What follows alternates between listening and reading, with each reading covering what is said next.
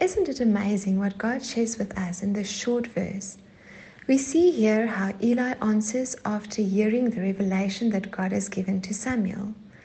Even though it brought terrible news to Eli, we see that Eli has so much respect for God that he simply honorably accepts God's judgment and even honors God as Lord in the process. We see a similar response by King David after his son died, and by Job after he lost his children. Each of them accepted God's actions because God is Creator and Lord. Every one of these servants of God appreciated God's sovereignty and they accepted both His judgment and His blessings.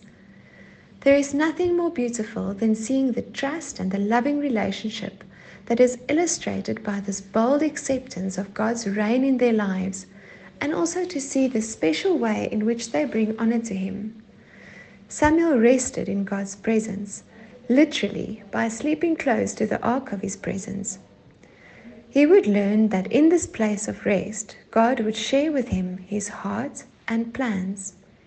But Samuel had even a greater lesson to learn, and that was to submit to God's plans. Eli, David, and Job could demonstrate this because they believed in God's sovereign lordship and because they loved Him. But what does this have to do with you and me?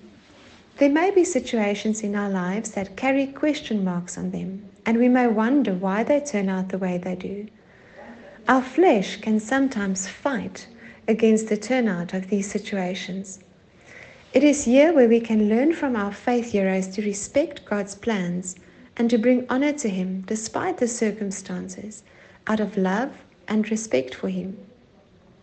Even Jesus demonstrated this respect when in the Garden of Gethsemane he questioned God about the future, but still, out of love, asked that God's will and not his will will be done. This morning, I want to invite you to come into a place of rest with God, where together you can look at the question marks that some of your circumstances may present. Maybe this morning you don't need an answer so much, but rather in this stillness, we can acknowledge that God is Lord and simply trust Him to do what He thinks is best. May this be a great blessing to you. I pray this for you in the name of Jesus. Amen.